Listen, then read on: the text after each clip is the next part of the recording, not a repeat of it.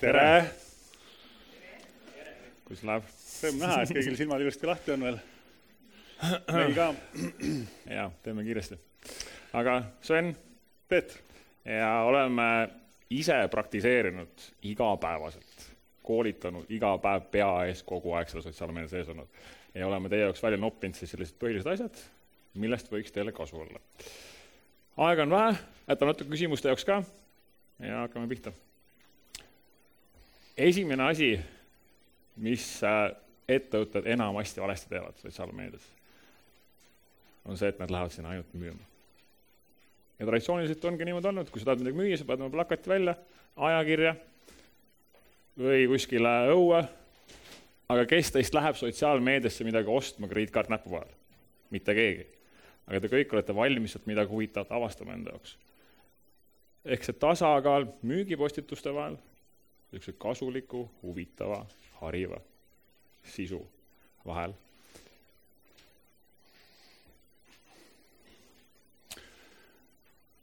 Äh, postitused tehakse siis, kui aega üle jääb.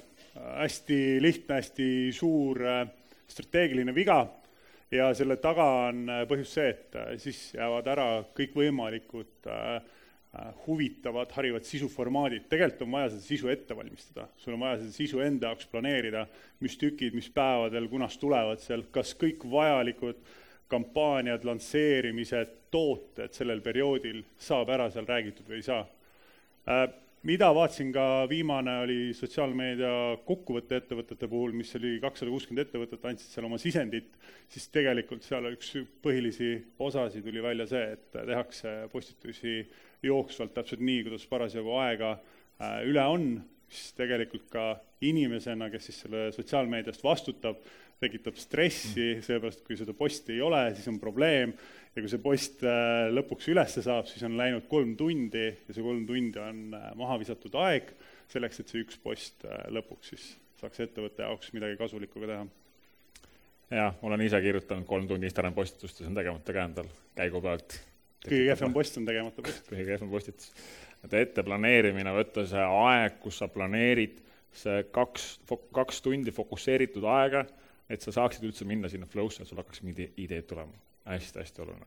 ja kui sa siin koolitusel täna oled, see postitus on tehtud.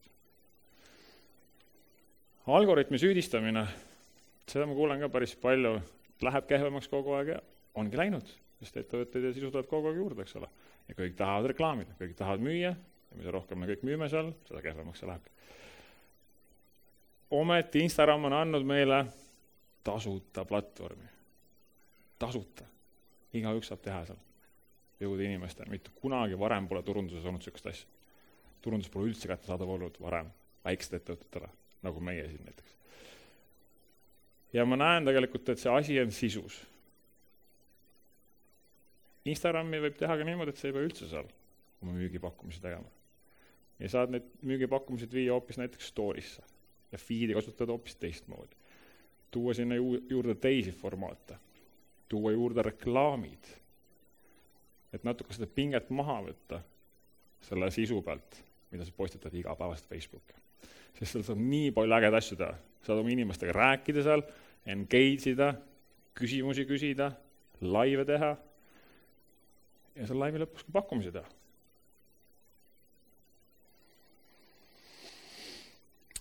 Teisel pool ekraani on inimene, robot, samamoodi nagu otsitakse alati süüdlast, äh, algoritm on nüüd midagi tuksis siis ka teispool ekraani, justkui me peaksime kellelegi teksti kirjutama, peaksime selle posti või selle sõnumi kellelegi edasi andma seal, mis jääb puudu, on see, et äh, inimene ei tunne ennast ära selles tekstis.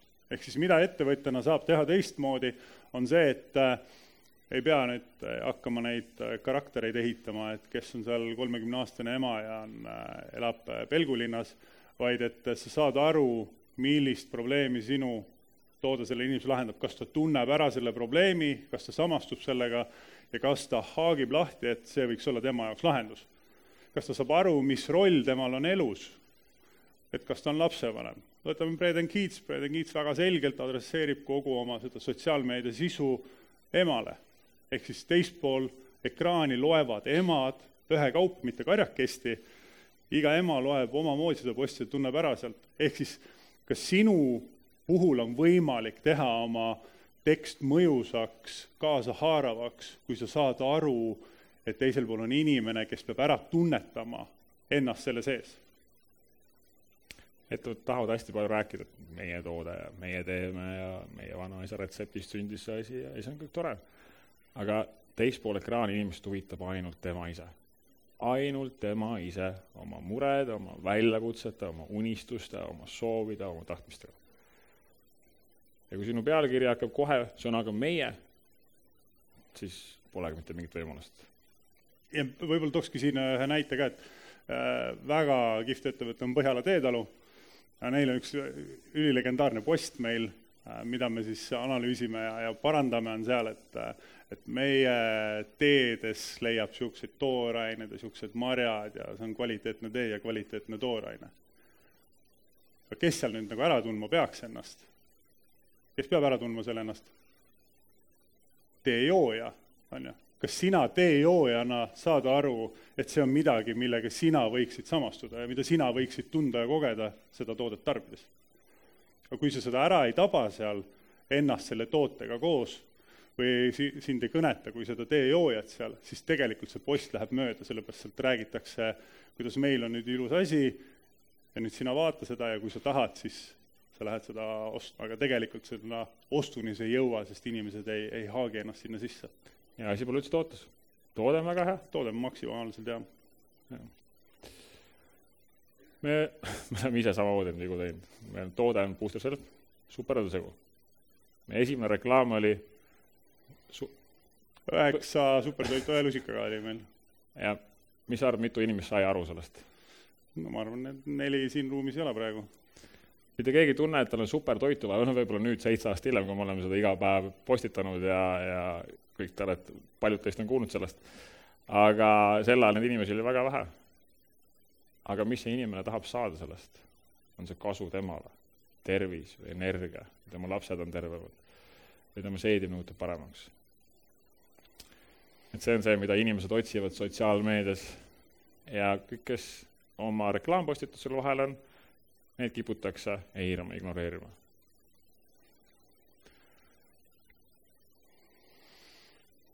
me koolitustel tihti küsime, kas te teate, mis on teie kliendi elu ja väärtus? ja meie käest küsitakse, et kuidas ma saan Boldiga oma Facebooki pealkirja teha. me ei tea seda. ja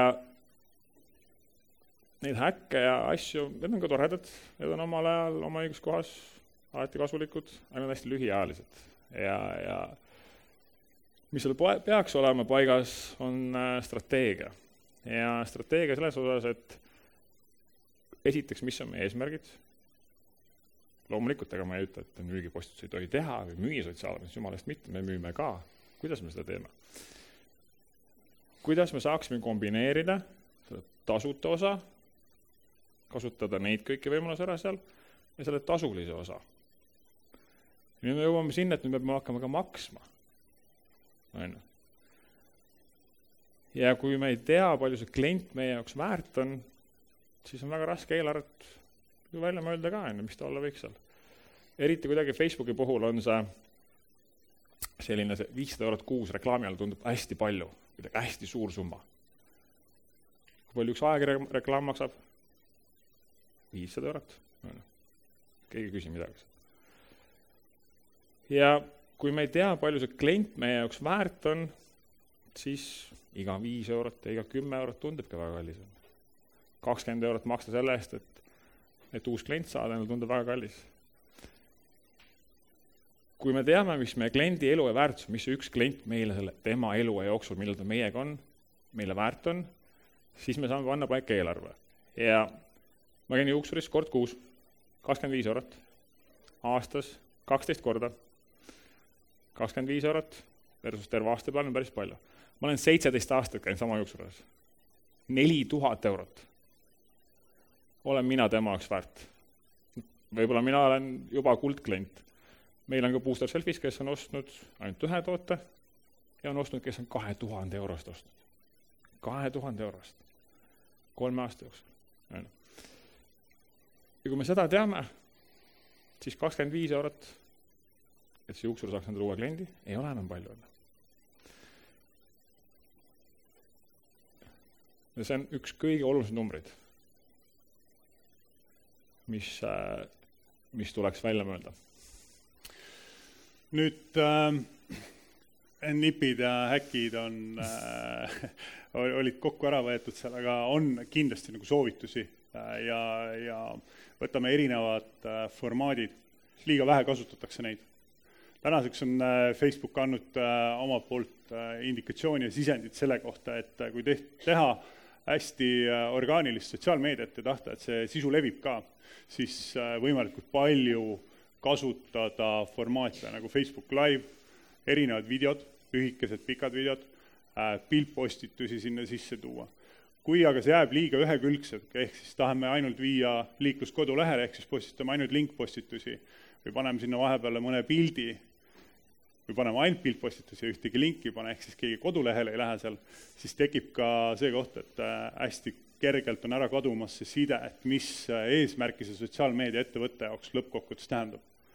sotsiaalmeedias me tahame oma tooteid-teenuseid müüa ja selleks, et seda maksimaalselt hästi teha, on ka vaja kasutada erinevaid siis äh, sisuformaate. võtame Instagrami ka ette, siis Instagramis kindlasti täna kõige paremini leviv formaat on Reels, selle vastu ei saa, see on täna suurusjärgus äh, kolm-neli korda üle oma tavapäraste postituste, aga siinkohal kindlasti ei saa ka ainult seda eelistada, vaid peab ka võtma enda jaoks arvesse siis tavapostitused, story'd, äh, laivid sinna sisse et mida mitmekesisemalt sa tegelikult äh, neid sotsiaalmeedia formaate kasutad, seda parem on ka sinu jooksev orgaaniline levik selle sees.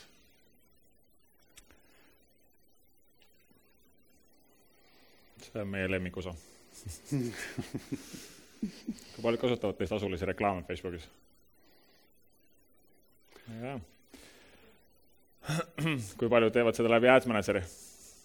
ahah, siin on kindlasti natukene teadlikum seltskond rahvast ka juba. aga väga-väga äh, vähe kasutatakse tasulisi reklaame. ja kui sa mõtled äh,, muidugi, meil on Instagrami konto, meil on Facebooki leht, me saame sinna postitada, Facebooki postitused lähevad ainult nagu ühesuunalise tänavale. see vahe siin, see on sinu fännid ja isegi nemad ei näe sinna rea lõppu ei ulatu see postitus me võiksime postitada sinna ja me postitamegi väga head sisu ja seitse korda päevas võime postitada sinna, aga ikkagi see ei kompenseeri seda, mida tasulised reklaamid suudavad teha. sest sul on vaja iga päev, lisaks sellele, et sa jõuad oma fännideni, kes juba teavad sind ja osad nendest on ka sinu kliendid, jõuad iga päev uute inimesteni, kes ei ole veel sinu jälgijad. ja Eestis on üheksasada tuhat inimest, kes kasutavad Facebooki. ehk paralleelselt, kui me postitame meil on ka reklaamid, mis jõuavad uute inimesteni. siis tekib meil veel üks väga-väga huvitav osa sinna juurde, mis on järelturundus. ehk see engagement, mis me ehitame seal kõikide nende videovaatamistega ja postituste ja story'de ja reelsidega, nendest saab sinust soe publik. Ja selle soe publikuni saad jõuda ainult kas postitades, kui sa postitad piisavalt palju ja et kui nad näevad seda, sellele saab ainult loota aga tasulise reklaamiga. ja see sooja publikul tasuline reklaam on kõige efektiivsem. selle tasuvus juba keskpärase reklaamiga, ilma soodustuseta, ma ütleks, kui, kui, kui see toode, mis sa müüd, on nagu vähegi huvitav nende inimeste jaoks, alates kahekümne viiest, kakskümmend viis korda teenid tagasi sama raha. kui sa teed väga hea pakkumise, siis veel, veel kordades rohkem versus uutele inimestele, kes pole kuulnud sinust, ehk siis see külm publik, on see tasuvus üks-kaks. jaa, kuskil ühe euro sisse üks-kaks, heal juhul kolm teenid tagasi sealt. Et äh, sooja publiku puhul on ka nähtud äh, ettevõte, kellel ei, kes ei olnud kunagi kasutanud äh, neid inimesi reklaamimis äh, e-, või sihi, sihtimisena kes olid siis kaasa elanud seal ja esimest korda üles seades seda reklaami, siis tasuvus oli üle saja oli, ehk siis ühe euro paned sisse, sada saad tagasi. et selliseid võimalusi kombineerides siis seda väga hästi tehtud orgaanilist sotsiaalmeediat tasulisega, on ainukene viis üldse teha efektiivselt oma äri. ja mis selle väga efektiivselt teeb, esiteks inimesed teavad sind, see on nagu kohtingul käimine, esimesel, teisel, kolmandal, neljandal kohtingul. esimesel kohtingul kohe väga ei jõua kuskile, eks ole. turundus on sama asi. ja ka see sihtrühm on palju väiksem, seetõttu see ei kuluta nii palju raha. Nüüd me saamegi seal väikse eelarvega tegelikult palju parem tasuvuse. see Mihkli ka naerma äh,. siia juurde kindlasti me boost, äh, post nuppu ei kasuta ükski teadlik turundaja mitte kunagi oma strateegiatesse, tegevustesse boost post nuppu sisse ei planeeri. Äh, seda võib teha, äh, saamaks esimesed äh, ristsed ja triibulised seal, aga sellest rahast on ilma ka. sa tulemusest aru ei saa, seda ei ole võimalik jätkusuutlikult teha, seda ei saa kakskümmend neli seitse tööle panna sinna ja lõppkokkuvõttes, mis kõige suurem puudus sellel on? noh, boostijad kõige suurem puudus on see, et ainukese asja, mida saab boost ida, on need, mis on ajajoonel tehtud. ehk siis tegelikult sa ei saa teha nullist ühtegi reklaami, sa ei saa kasutada sihtimisel kõiki neid võimalusi seal, et lõppkokkuvõttes katab see boost nupp ära niisugune viis protsenti nendest asjadest, mida siis äh, tegelikult äh, taustal on võimalik teha. kui me vaatame täna Boost Yourselfi, kus me opereerime päevaselt äh, circa üheksakümne reklaamiga, siis kindlasti meil ei ole need võetud enda uudisvoost üheksakümmend postitust, millele me paneks boost'i taha ja vaataks, mis nüüd juhtuma hakkab, teadlikult süsteemselt ehitanud üles, kus on sõnumid, kus mis visuaalid ja vastavalt sellele ka siis siht, sihtrühm võetud, kuhu seda siis suunata.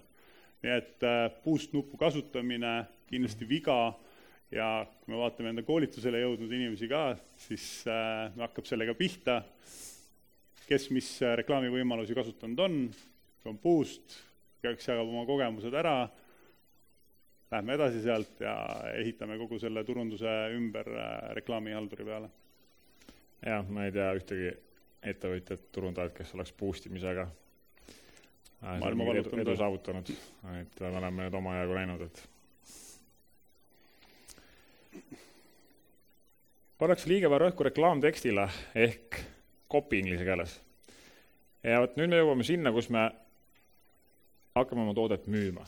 postitused postitusteks, iga postitus ei peagi olema seal väga läbimõeldud kopiga, seal läheb emotsiooni pealt, seal läheb käigu pealt äh, ja see on fine. aga kui me nüüd teeme selle toote reklaami, kas soojale publikule, eriti külmale publikule, te teate ise kõik, kui raske on saada seda müüki sealt, isegi klikki raske saada. kõik kallis, see iga liigutus maksab. ja olles ise copywriting ut praktiseerinud ja, ja lugenud neid raamatuid kui palju ja õppinud enda toodet äh, müüma, ma näen lihtsalt, kui suure vahe see teeb sinu konversioonihindades, sinu klikihindades, sinu click-through rate ides ja, ja kõikides teistes tulemustes. ainuüksi pealkirja, uus pealkiri võib sinu tulemusi parandada juba mitmekordselt. aga mitu pealkirja me enamasti kirjutame? ühe me paneme selle peale, eks ole. ja pealkirja eesmärk alles on huvi tekitada nii palju, et ma peatuksin sellel postitusel ja loeksin järgmist rida. ja järgmise rea ülesanne on mul anda nii palju informatsiooni, tekitada ka veel huvi, et ma loeksin järgmist rida. Et ma siis jõuaksin üleskutseni. kui me seda ei tee, siis ei ole vahet, kui ilus su koduleht seal on, kui hea sinu toode on, kui palju inimesi see aitab, me müüme inimestele tervist, mis saab elus veel olulisem olla, isegi seda on raske müüa. et tekst peab tekitama huvi edasi lugeda, huvi selle toote vastu, selgitama selle kasutegureid inimesele jällegi, mitte meie, vaid äh, mis talle sellest kasu on, mis tulemused tema sellest oma elus saab, äris või elus, vahet ei ole. ja siis tuleb alles üleskutse. alles siis mul on huvi klikkida sellel. ja sul on sotsiaalmeedia, isegi kui su koduleht, maandusleht ei ole väga hea, kui sul on hea copy, see inimene teeb oma ostuotsuse sealsamas Facebookis ära juba. ja see copy käib ka video kohta, sest videos on sul ka vaja rääkida, videos on sul ka vaja mingisugust teksti, eks ole. ma võib-olla lisaksin äh, nii palju selle reklaamtekstile juurde, et äh, see on õpitav. see ei ole midagi keerulist, see ei ole oskus, äh, mis sünnib kaasa. See on võimalik endale selgeks teha, seal on olemas kindlad süsteemid, mudelid, lahendused, mis aitab seda väljendumisoskust parandada. Isegi kui sa oma reklaamieelarvet ei suurenda, aga investeerid enda väljendusoskusesse selle reklaamteksti kirjutamisel, on võimalik enda müügitulemusi parandada ja tegelikult oma ka turunduskulusid alla viia. kõige lihtsam viis on turunduskulud alla viia, on saada aru, mis äh, sõnumid töötavad mis inimestele. aga viimane punkt ka, mida me käsitleme, on äh, turundustöötajatesse investeerimine, turundustöö, inimene ise endasse investeerima. samamoodi, kuigi me oleme siin praktiseerinud viimased seitse-kaheksa aastat Äh, näinud nende kanalite arenguid, ähm, neid muutuseid, kohanenud pidevalt sellega, ka meil on vaja pidevalt äh, vaadata, mis äh, meie valdkonnas, mis sotsiaalmeedias, mis äri tegemisel üldse, mis on need uued strateegiad, millised on need strateegiad, mis töötavad ja toimivad, mida meil oleks võimalus ja vajadus ka rakendada ja praktiseerida seal. samamoodi on igal ettevõtjal kohustus ka äh, inimestest, kes siis tegelevad sotsiaalmeediaga, äh, samamoodi investeerida sinna, investeerida nendesse inimestesse. kui te ise tahate äh, olla selles valdkonnas aktiivsed, äh, tahate olla teenusepakkujad, siis kindlasti on seal väga palju erinevaid nüansse ja nurki, mida siis endal pidevalt arendada. orgaaniline sotsiaalmeedia, kuidas teha seda süsteemselt, sisukalt, reklaamtekstide kirjutamised, eraldiseisev fookus, jooksvad kujundused, kindlasti oskus, mis on äh, vajalik selleks, et sotsiaalmeediat äh, hallata, siis on äh, tasulised reklaamid, et aru saada vähemalt, kuidas see süsteemselt toimub, kui sa ise seda just ei halda ja ei tee seal, aga saad aru, et sinu orgaanilise töö tulemus mõjutab ka seda, kui hästi siis saavad inimesed sinu töö tulemusel siis reklaami suunata või sealt vajalikud sihtrühmad üles leida selle seest. et selline järjepidev koolitamine, muutustega, uuendustega kursis olemine hästi oluline ja vajalik. Ja minu arust see paneb need turundajad pidevalt niisuguse nagu kikivarvul natukene jooksma seal, et et see informatsiooni tuleb palju selle seest äh, välja selekteerida enda jaoks see kõige olulisem ja õigem, äh, tuleb võtta siis äh, paar päeva aastas, nagu tänanegi, hetk istuda maha, mõelda oma asjad läbi, kuulata, mida teised tarka räägivad seal investeerida see aeg endasse ja siis äh, minna juba praktiseerima neid tulemusi ja, ja soovitusi, mis no. siis selle kogemustest äh, te siit korjate? no tugevamaks saad kiht kihi haaval, samamoodi alu-, algus, alustasid postitamisega, siis tulid reklaamid, siis mingi paari aasta vaatasid, oo, ma ei oska reklaamtekste kirjutada ja reaalselt see on õpitav oskus. ma olen kolme poiss olnud koolis, ma käisin Google'is vaatamas, kuidas kirjutatakse lauseid, osasid ma ei osanud see on, see on reaalselt õpitav oskus, aga need tulevad kõik sulle. kihihaaval ja seda tugevamaks saad, kui lõpuks hakkad nägema ka seda strateegiat seal taga äh,. toon seal Brit Mesipuu äh, kokkuvõttes ka veel oli välja, et äh, hästi palju ettevõtteid tekitavad täna endale maja sisse seda know-how'd ja teadmisi. ehk siis need inimesed, kes seal maja sees on, moodustavad selle tiimi, kes siis tegelikult äh, kogu seda digitaalset turundust siis ellu viivad seal. et äh, sellised et majasiseselt hästi tugevate tiimide ehitamine on äh, kõige parem viis ka ettevõttel ise kiiresti reageerida turumuutustele, vajadusel teha kähku korrektuurid sisse, sest ei ole aega enam teha briif, kaks nädalat valmistad briifi ette, siis tulevad äh, kaks nädalat aega, kus siis hakatakse tegema ja sealt jälle kaks nädalat. ammu on juba kõik ära sõitnud uued kuud on kätte jõudnud, uued aastaajad on kätte jõudnud selle aja peale, kui siis jõuab üks ettevõte reageerida. nii et tänane reageerimine sotsiaalmeedias, digiturunduses on päevade küsimus, kus see peab olema majasiseselt execution, execution tehtud siis. väga tahaksin rohkem ja. rääkida, aga aeg sai aitäh, Sven, aitäh, Teet uh,. nii uh, aastate jooksul, kui palju on teie enda copywriting'u stiil või sõnumid eh, muutunud? kindlasti see muutub, et alguses need võib-olla müügipakkumised on liiga, võib-olla niisugused liiga müügipakkumised ja siis hakkad vaatama, kuidas ma saaks just kirjutada selliselt, et see tekitaks seda huvi edasi lugeda, et see räägiks selle inimesega, et tema tunneks ennast ära. et see on, ma arvan, üks niisugune äh, ka need turunduspsühholoogia ja kõik need asjad, mida on kasutatud juba sadu aastaid nagu maailma tippturundajate poolt, et, äh, et see on avanud mul nagu väga hoopis teistsuguse arusaamise turundusest. kas teil on nagu kindlad mingid nagu sõnumid, mida te ikkagist nagu enamus kampaaniates kasutate, te muudate seal mingit noh, mingit sõnu ainult või, või tihti nagu täiesti uus kopi tuleb kogu aeg peale? uus. pigem ikkagi uus kopi, aga hea on sellest, kui sa kirjutad nagu sul ei ole vaja nagu, kõike ei ole vaja kirjutada mingi ideaalseid reklaame. esiteks Facebooki ajas ma näen, see näitab sulle ära, mis töötab. ja sul on teinekord vaja ainult mõnda väga head reklaami ja sa kasutad seda kolm kuud järjest, kuus kuud järjest, ma olen kasutanud kaksteist kuud järjest isegi Eestis ühte sama reklaami. sa ei pane seda ennem kinni, kui, kui see toob sulle müüki iga päev. ja sa näed ära selle hinna, mis hinnaga ta sulle müüki toob. soovitage palun eh, parimat kopi kirjutamisalast raamatut uh,. Building a story brand uh,, Donald Miller uh,, kindlasti läheb sinna. Uh, miks võib-olla ma soovitan seda, on ka, et sest et seal sees on toodud välja siis äh, erinevad äh, mudelid äh,, nende kasutamine.